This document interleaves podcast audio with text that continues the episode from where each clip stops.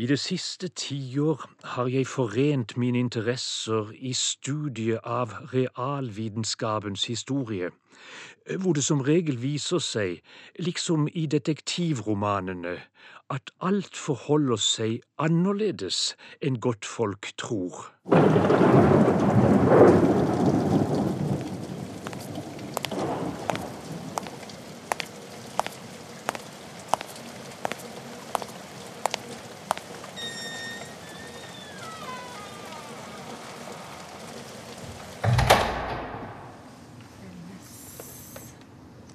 Hei, du. Jeg var her for eh, et par, ganske mange måneders tid siden. Nå har snakka med ei som heter Stine, tror jeg, angående ei bok som jeg hadde lyst til å finne, men som var søkk vekk. Som var søkt vekk på hylla. Det er november 2010. Å, herregud, var det det fra 15, eller et eller annet Ja. sånt? Eh, Vitene, Vitenelius Pudingopolini Optica Libri Men den Djupt ned i kjelleren på Universitetet i Oslo, i et avlåst magasin, skal det stå ei veldig spesiell bok. Det er en av de viktigste vitenskapsbøkene Norge eier. Boka heter Optikae Thesaurus. Opticae thearisaurus. Theasaurus. Det er den store grunnteksten i optikk.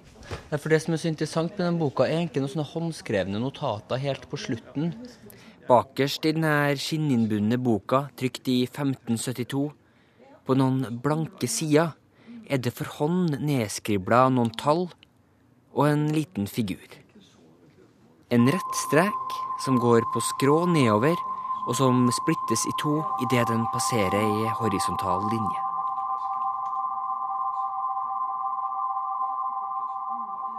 De her notatene ble funnet for over 50 år siden av en ensom gymnasielærer fra Flekkefjord.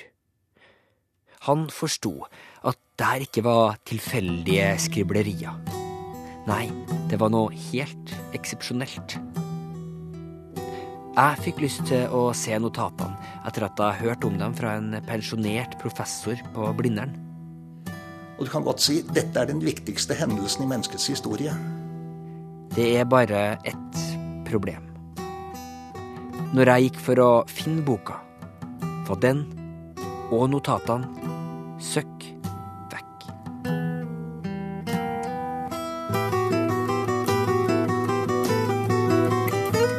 Radiodokumentaren sender Thomas Harriets forsvunne notater av Askild Matre Aasarød.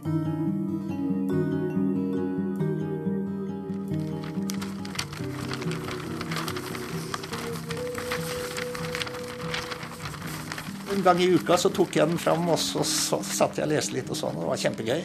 Og en stor opplevelse. Herlig følelse, egentlig. Det her er idéhistorie og fysikkprofessor Per Strømholm. En av de få gjenlevende vi vet om som har holdt boka i sine hender.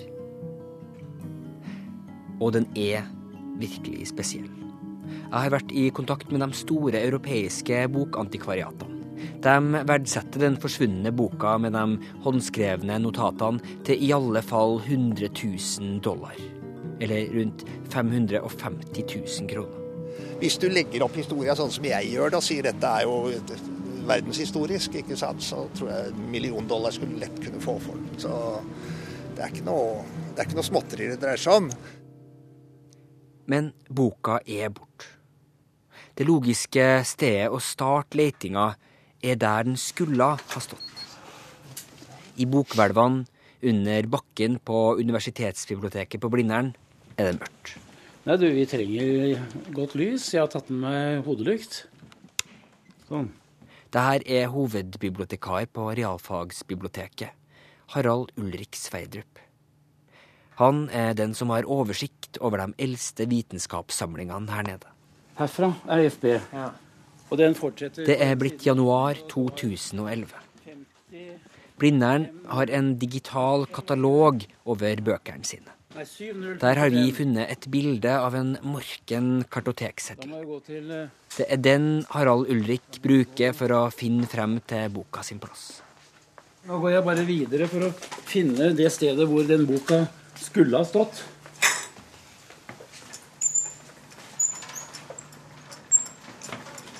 Skal vi se Hva er det som skjer her, da? Å ja, det er noe som, har, som stopper opp her. Uff a meg. Å, fy. Nå holdt jeg på å si noe stygt nå. Se hva som har skjedd her, da. Hva er det? Ja, det er en bok som har, som har falt ut av hylla og falt ned på gulvet. Og så er den blitt presset sammen av eh, kompaktmagasinet og nesten ødelagt. Hvordan bok er det her, da? Det er en eh, bok fra 1762 på tysk. Med gotisk skrift. Nei, det var kjempedumt. Den her Den må vi prøve å fikse. Det var derfor disse her ikke ville bevege på seg. 7055. Her.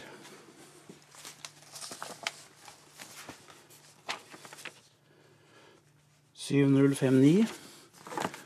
Og den er mellom her. Mellom 7045 og 7059 skulle den boka stått. Ja. Det var på denne plassen boka for første gang ble funnet av noen som forsto hvor viktig den var.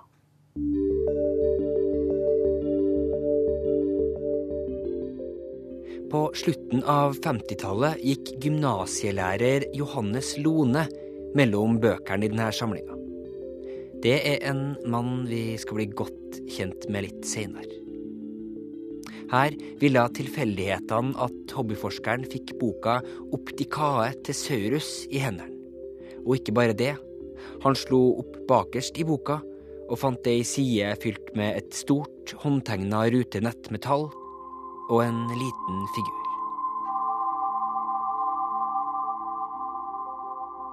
Eh, grunnen til at han fant eh, den boka, er nok at han studerte Han var opptatt av optikk. Der er Thomas Østerhaug.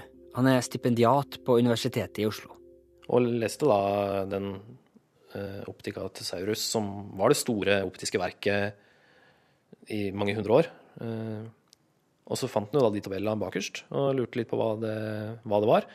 Eh, og de er datert, og det står stedsnavn, det står Zion.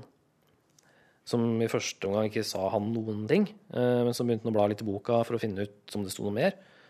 Og da står det initiala TH på en annen side.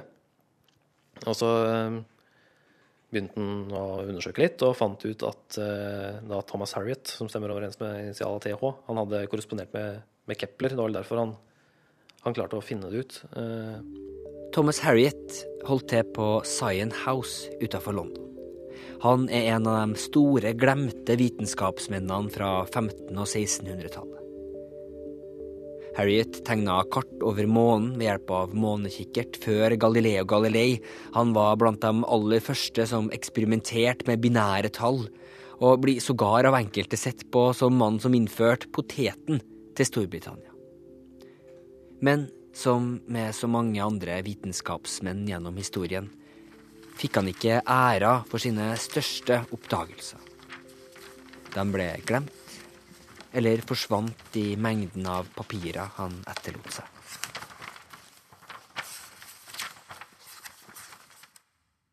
Det er mange måter å forsvinne på, jøye meg. Det aller mest ekstreme er jo at den er stjålet. Øh, At den er tatt med vilje. øh, Og i en eller annen hensikt. Enten å øh, få penger for den, eller å, ha den i en samling. Men det er, det er jeg, jeg, jeg ser ikke som Altså, jeg, jeg vet ikke hvor sannsynlig det er. Men eh, at den er lånt av noen, og at den ikke er levert tilbake, er mer sannsynlig. For vi hadde jo den gangen eh, veldig dårlige utlånssystemer. Og vi hadde sånne lapp, lapper og manuelle systemer hvor ingenting ble registrert ordentlig. Og hvor folk ofte hadde bøkene i årevis. Jeg har jo sjøl vært nede på Drammensveien eh, og, og flyttet en eh, ganske stor samling. Det som jeg da la merke til, det var jo det at det, det lå bunkevis med sånne utlånslapper som sto inne på hyllene, og som lå strødd utover gulvet, med utlån fra den samlingen.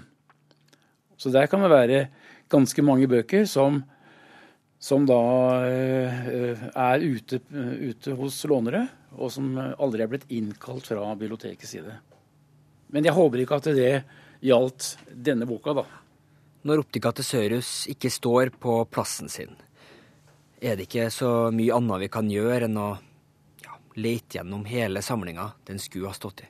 Er vi heldige, så kan den ha vært satt feil. Skal vi bare sette i gang, egentlig? da? Ja, det gjør vi. Og da må vi nesten fordele oss, da. Så at du f.eks. hvis du går den veien der sånn, bakover sånn så Men mens vi leter Hvilken bok var det Thomas Harriet hadde valgt å føre sine notater inn i? På midten av 1600-tallet satt eh, tidlige vitenskapsmenn som Francis Bacon, Robert Boyle og René Descartes opp de vitenskapelige lovene. Systematiske forsøk, etterprøvbarhet og en matematisk og mekanisk verdensforståelse. Fra å være styrt av en guddommelig vilje ble verden en maskin som fulgte fysiske lover. Men vitenskapen og vår bok starta si reise mye tidligere.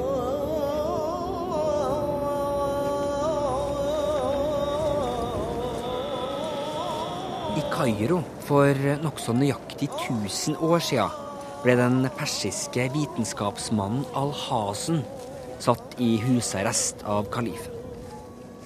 Men i fangenskap skrev han et av middelalderens største verker. Kitab e Manzerea, på latin kalt Opticae Thesaurus, optikkens bok.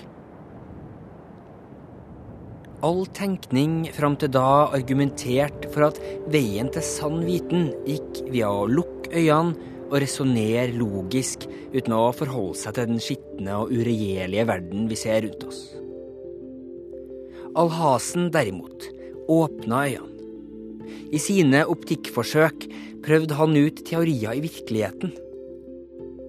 Da forsto han noe helt nytt. Når vi ser ting rundt oss, er det ikke fordi øyet sender ut en stråle som oppfatter objekter. Nei, det er tingen i verden som sender lys til øynene våre. Men sjøl om Alhasen forsto at alt synlig er lysstråler, så klarte han aldri å få en metode for å finne håndfaste beviser for hvordan lover lyset følger. Han eksperimenterer, men han har ikke denne systematiske, matematiske eksperimenteringen. Den mangler han, og han er veldig godt på vei. Så det var jo det som inspirerte Harriet. Det er ikke noe tvil om det. Teori optische instrument. Her har vi en bok fra av Kirchner som er så verdifull at den er tatt ut av denne samlingen her sånn, og plassert i et eget sikringsmagasin. Den kan ikke ha blitt flytta dit, og så har noen glemt å si fra. Nei, det, det er jeg helt sikker på. Chemistry of surfaces. Så å si alle Alhasen sine skrifter har nå gått tapt. Men Optica Thesaurus overlevde. 800 år før den havna på Universitetsbiblioteket i Oslo, hadde håndskrevne kopier av den fått plass i mange av de utallige arabiske bibliotekene som vokste opp i Basra, Kairo, Bagdad og overalt ellers i den arabiske verden. Her ble bøker lagra i skap i mannshøyde med vakre, dekorerte dører. Det var i de her bibliotekene kunnskapslagring og katalogisering ble perfeksjonert. For å kunne bevare så mye informasjon måtte de arabiske bibliotekene i hvert rom ha en katalog over de tekstene som var der. Her ble Opticae Thesaurus for første gang en del av et katalogiseringssystem. Men i historiens gang så forsvant kartotekene og langsomt tetta sandstormer igjen hyllene.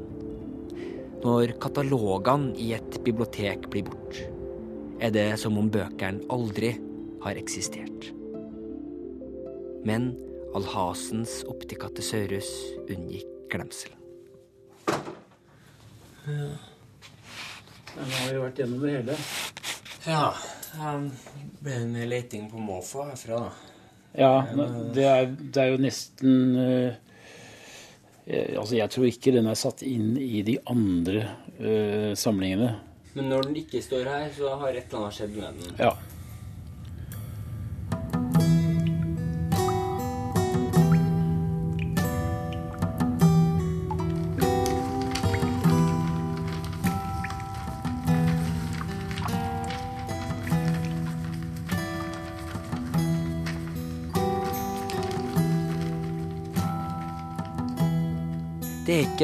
Så mange mennesker vi vet om som har lånt boka ut fra sin plass i hvelvet.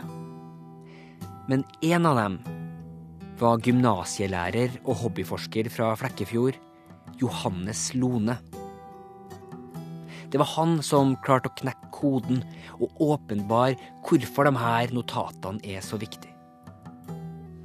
Jeg vet ikke hvor du hadde lyst på en kopp kaffe eller noe te eller noe sånt. Kaffe hadde vært kjempegodt. Ja, skal jeg sette over det? I mai 2011 kom jeg i kontakt med Bernt Øksendal, en tidligere elev av Johannes Lone. Ja, jeg har jo et, jeg har et fotografi til. Har du det? Som, Ja.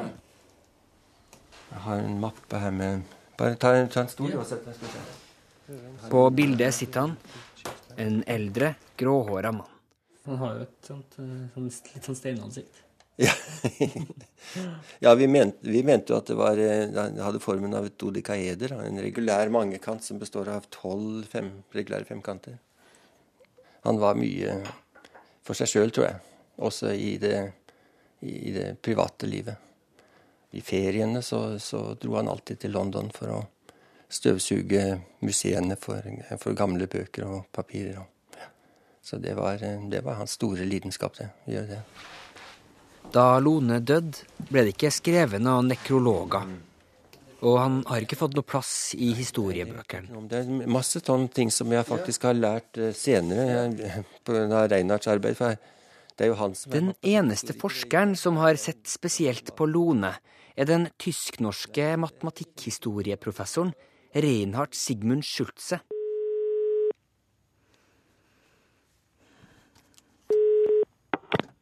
Ja, hei du, det her er Askild Aasarød. Jeg ringer fra NRK P2. jeg. Ja, Det, ja. det her gjelder em, Johannes Lone, egentlig. Ach, det gjelder det nå. Ok, Ja. okay. Mm -hmm. Ja, for em, jeg driver og prøver å, å, å finne den her boka 'Optika til Saurus', som, som Lone jo gjorde noen veldig interessante oppdagelser i. Ah, denne, denne, denne originale fra, fra 1500-tallet, ikke sant? Det stemmer. 1572, eh, Ja, ja, ja. Ja. Du, du, men du vet jo uh, kanskje uh, at Lune er, er også interessant i en annen sammenheng, uh, politisk.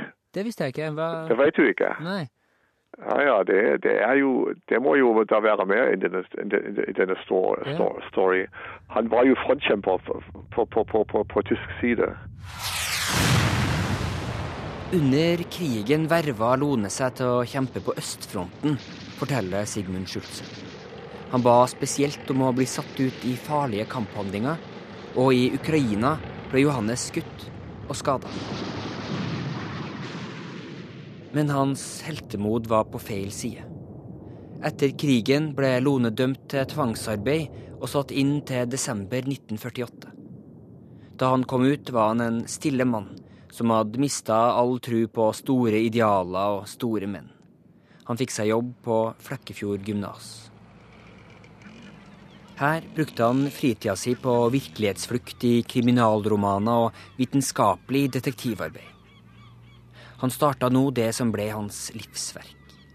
Resten av livet jobba han hardt og møysommelig med å få glemte vitenskapsmenn fram i lyset. I det populærvitenskapelige tidsskriftet Naturen beskriver han arbeidet sitt. Mine interesser i studiet av realvitenskapens historie, hvor det som regel viser seg, liksom i detektivromanene, at alt forholder seg annerledes enn godt folk tror.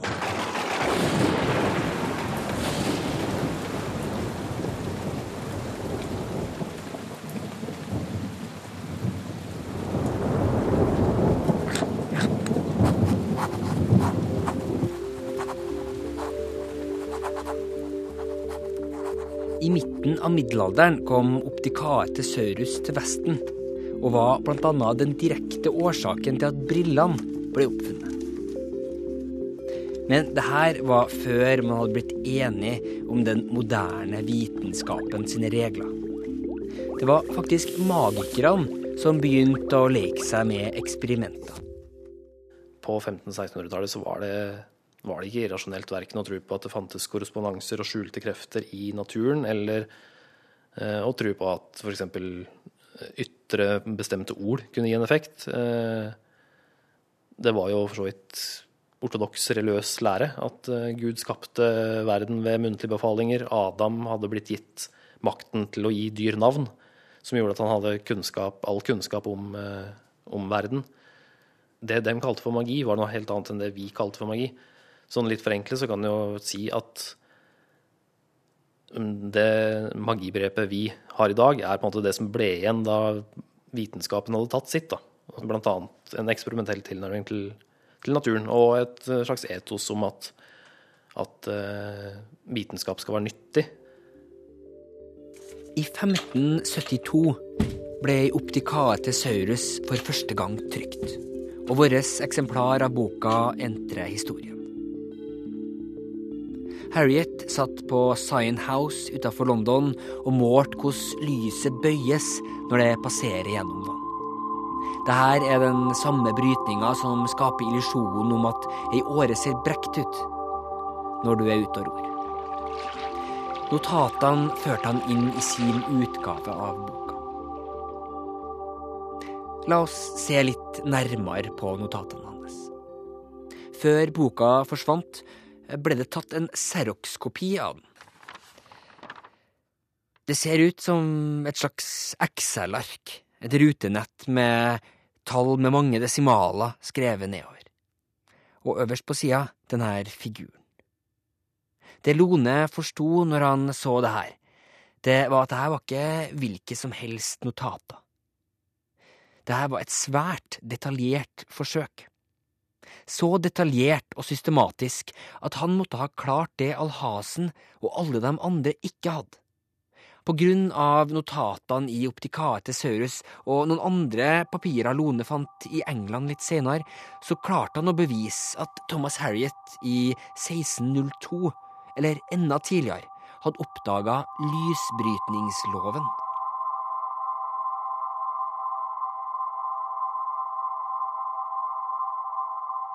Det her var i seg sjøl en stor oppdagelse. Før så trodde han at lysbrytningsloven ikke ble oppdaga før langt ut på 1600-tallet. Men det som var virkelig spesielt, var måten Harriet oppdaga loven på. Harriet er den første vi vet om som fant en naturlov gjennom den moderne vitenskapelige metoden. Og dette er det første eksempelet vi har på gjennomføring av matematisk formulerte eksperimenter. Så det er en verdenshistorisk begivenhet. Dette er mye større enn folk aner. Fordi dette er den eksperimentelle metoden, og det er begynnelsen ikke bare på moderne vitenskap, men moderne teknologi.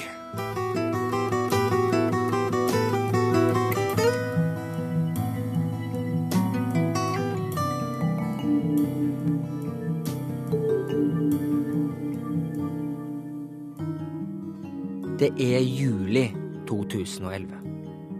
Jeg har nå lett etter boka i godt over ett år. Det er fortsatt ingen spor. Hvem er det som kan ha tatt den? Om en undersøker hvem det er som bruker å være ansvarlig for boktyverier, oppdager en at det ofte er skikkelser som er fortrolig med bokhvelvene, og som har nære bånd til bibliotekene så lenge jeg kan huske, og jeg har vært der siden 1967, så har vi hatt den regelen at bøker fra 1500-tallet fikk du ikke låne med deg hjem. Det her er Elisabeth Eide, ekspert på norsk bokhistorie ved Nasjonalbiblioteket. Eh, men jeg vet jo ikke hvor nøye det har vært praktisert. Og så kan du si så var det slik at du kunne låne den på lesesalen. Uten noe som helst bevis for noe som helst. Så det var jo ikke noe kontroll med hva du tok med deg ut av lesesalen. Vi hadde bare en lapp, og du kunne da kalt det ja, Istedenfor det du heter, så kunne du kalt det Henrik Olsen. Og ingen visste øh, Gjorde noe forsøk på Når du satt på lesesalen, altså. Denne naive utlånspraksisen ble det satt en stopper for i 1983, da Norge ble ramma av landets mest spektakulære boktyveri. Uerstattelige bøker øyelagde ved tyveri. Ekspedisjonssjef i Riksrevisjonen fengsla for brottsverket. Under ransaking på kontoret og hjemme hos han har politiet funnet antikvariske boksider til en verdi av mellom to og tre billioner kroner. Det var en ung juridisk student som slo alarm. Det var torsdag ettermiddag. Eh, jeg satt her og leste. Og jeg ser, blir eh, oppmerksom på en litt uvanlig lyd. Og jeg ser en, en mann sitte og skjære ut ting av bøker. Jeg kremter gjør, for å gjøre ham oppmerksom på at jeg ser hva han gjør. Og resultatet av det er at han bare setter seg på pultraden bakenfor meg. Han tar frem kniven igjen, og jeg ser at han fortsetter å, å skjære. Eh, kort tid etterpå så går jeg der bort til inspektørene og forteller hva som har skjedd. De ber meg peke ut mannen og, og hvilket jeg gjør. Eh, de sier så at eh, mannen har en høy stilling i Riksrevisjonen, og at han har lånt bøker her lenge. Så, så de syns det virker svært lite sannsynlig. Eh, jeg er påståelig og, og, sier at jeg er helt sikker på det jeg så. De sier så at jeg har sett syner, og, og jeg går på plassen min og setter meg igjen. Det viser seg jo da at uh, han hadde skåret ut i la oss si 160 bøker. Han har skåret ut fine illustrasjoner og kart. Men han var da en systematiker som hadde ført et kartotek over hva han hadde skåret ut. Så vi, vi, vi, vi fikk igjen en god del, som vi da måtte lime inn igjen i bøkene. Og så fikk vi vakthold, og så fikk vi liksom, ble det strammet inn på en del områder. Og for å gjøre en lang historie kort, og så døde han før saken kom opp. Tjenestemannen fra Riksrevisjonen hadde solgt kart videre til antikvariater for høye summer. Det kan også ha skjedd med vår bok. Den er verdt hundretusenvis, om ikke en million dollar.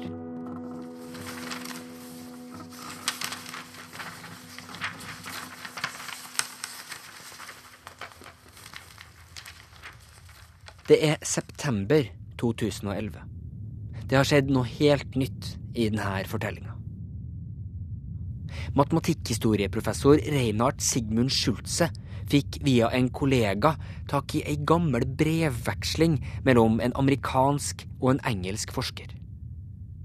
De her to forskerne ville begge svært gjerne se Harriet sine notater. I et brev datert 10. mai 1973 skriver den ene forskeren, som da jobba i Oslo, til den andre. Regarding the mysterious Vitello's Optica thesaurus, which has vanished from the library here. I went into the stacks with the librarian, and we discovered that the book was checked out to Dr. Lona in the reading room on the 21st of September 1971, and never returned. So only Dr. Lona can tell where the book is. Ifølge det her brevet har altså Johannes Lone lånt boka, men aldri levert den inn igjen. Kan virkelig mannen som oppdaga hvor spesiell optikate Saurus er, også ha tatt boka?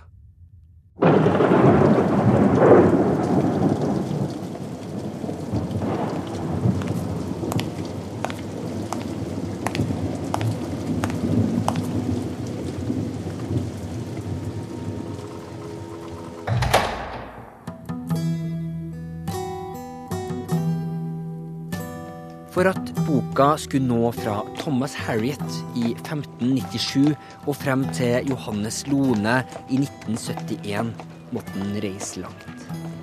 En antakelse er at danske boksamlere kjøpte den fra et dødsbo eller et bokmarked, og fikk den frakta til Danmark en gang etter 1700.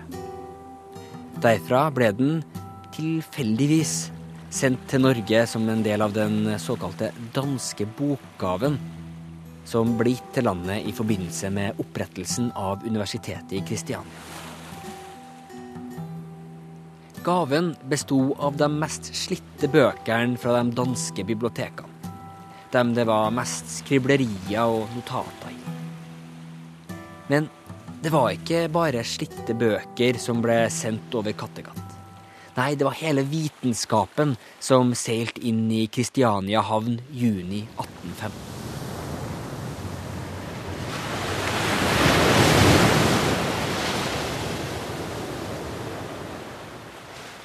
Det var ei massiv last. 247 kasser med alle av Europas viktigste vitenskapelige bøker. Kristiania, en liten plankeby i et land basert på fiske og jordbruk, hadde ingen skikkelige steder å gjøre av en så gedigen gave. Kassene, inkludert Opticae Thesaurus, med Thomas Harriets notater, ble satt på Akershus festning hvor utsulta rotter og mus fikk i seg næring ved å gnage på limet i bokryggene. Det var helt til Georg Sverdrup, Norges første offisielle bibliotekar, begynte å sette bøkene inn i hyllene på det nyoppretta universitetet. Han er en av norsk bokhistories viktigste menn, og ved en tilfeldighet også tipp tippoldeonkel til Harald Ulrik Sverdrup, som vokter vitenskapsbøkene i dag. Hva kalles de? Er det ikke museumsvoktere de kalles? ja, jeg jeg syns det er et, uh, en hedersbetegnelse å være museumsvokter. Georg Sverdrup katalogiserte bøkene og gjorde den danske bokgaven om til fundamentet i universitetets kunnskapssamling. Der sto Optica Thesaurus, frem til vi mistet den av syne på starten av 1970-tallet.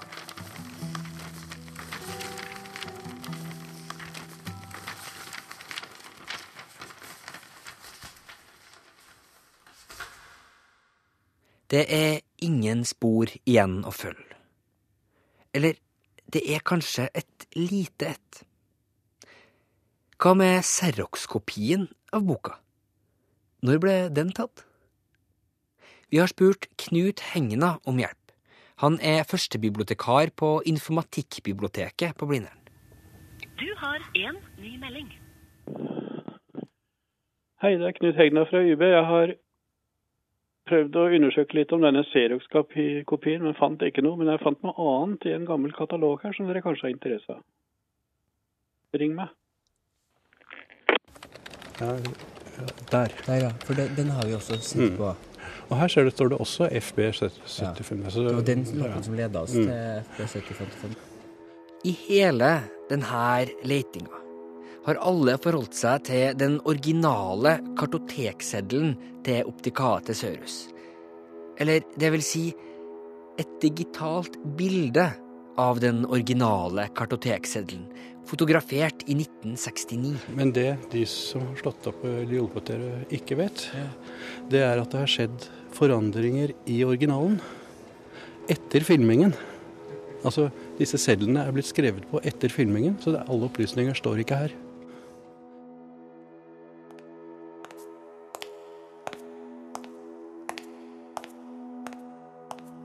I kjelleren på universitetsbiblioteket er det et lite rom som det er få som bruker lenger. Her står fortsatt de eldste kartotekskortene på biblioteket. De er fordelt på hundrevis av skuffer i tre. Inni her skal det være. Theodor Theofil O, da. Der. Der har vi den. Der har vi kortet. Knut Hegna tar ut et gammelt papirark på størrelse med et stort postkort. Det er påført tekst skrevet i sirlig løkkeskrift. Det er kartotekseddelen vår. Men noe av teksten er kryssa ut. Her står det. det og der er FB7055 strøket over. Og så har jeg sagt Liberar 790 der. Og det betyr at boka er flyttet til sikringsmagasinet på Drammensveien. Så da, da, da er det, neste skritt er å oppsøke eh, Nasjonalbiblioteket. Da.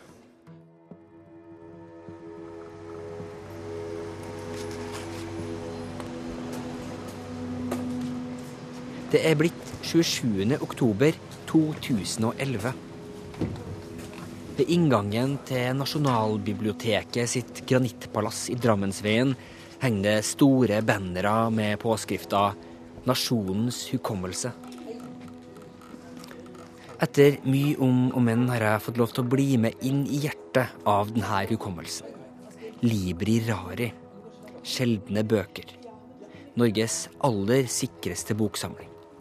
Arkivet er bak ei nøytral metalldør djupt inn i granitthuset.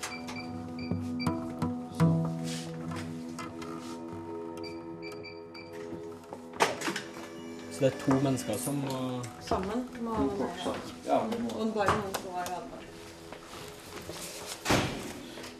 Uten en tråd. Står den her? Ja. Så nå står det en vegg i vegg med førsteutgaven trukket ut Hamsun. En vandrer spiller. Sult. Her inne, rett ved førsteutgavene av alle Norges viktigste bøker, i ei hylle nede ved gulvet, står det en liten boks. Nå tok jeg en grå pappeske ut av bokhyllen her. Og eh, ja, det står Librar 790 på den. Forskningsbibliotekar Espen Karlsen legger den på et lite bord. Han åpner den.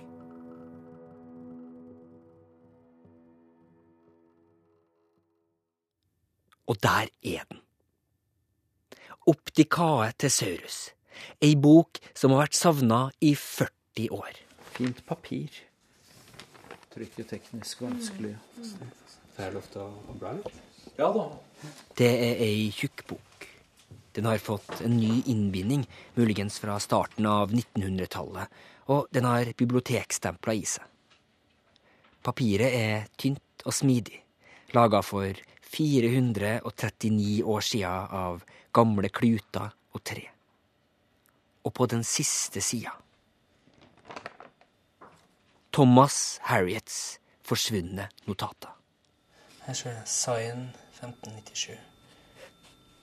Og her er det den lille figuren som er Her ser du det lys som kommer inn her, og så bøyes det idet det passerer inn til det Ja.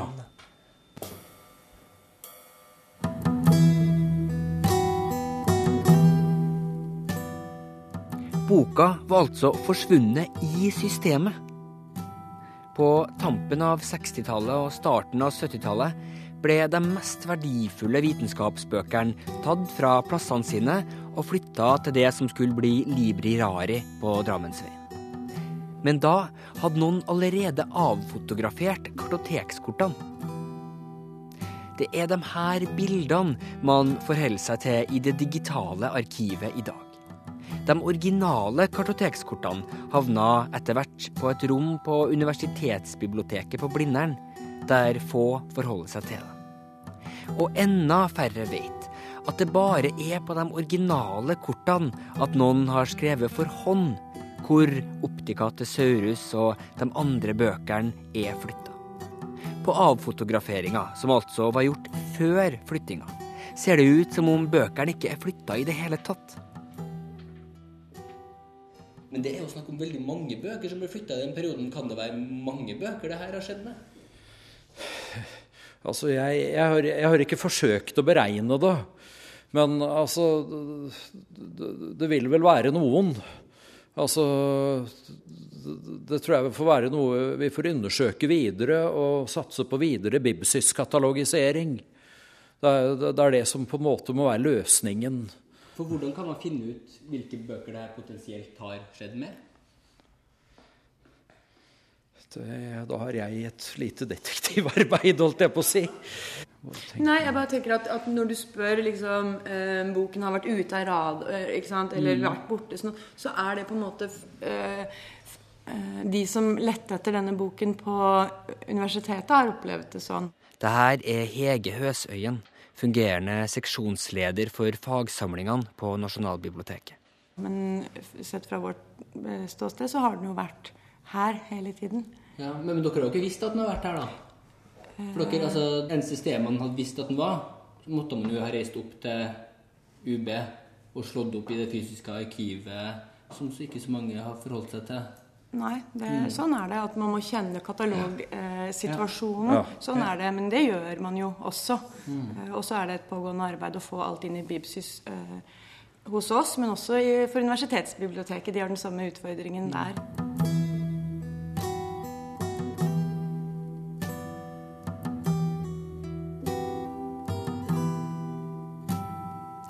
Så, kjære lytter. Det var ikke Johannes Lone som sto bak forsvinningsnummeret. Nei, det var biblioteket sjøl som tok optika til Saurus. Liksom i detektivromanene, at alt forholder seg annerledes enn godt folk tror.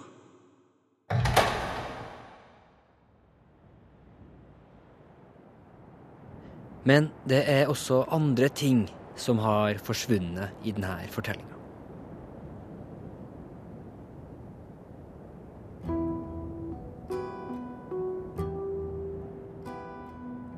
I 1959 publiserte Johannes Lone en artikkel om sine oppdagelser. Men i Norge ble han aldri kjent for dem. I 1963 publiserte Lone en artikkel som stadfesta at Thomas Harriet var den første som tegna et månekart ved hjelp av teleskop, før Galileo Galilei. Ikke mange la merke til det heller.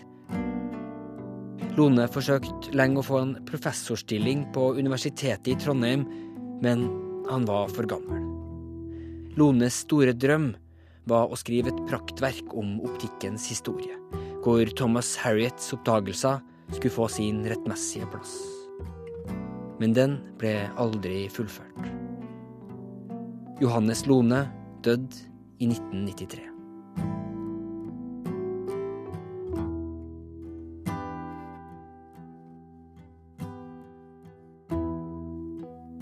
Thomas Harriet døde i 1621. Det var samme år som nederlenderen Wilbrod Snellius oppdaga lysbrytningsloven.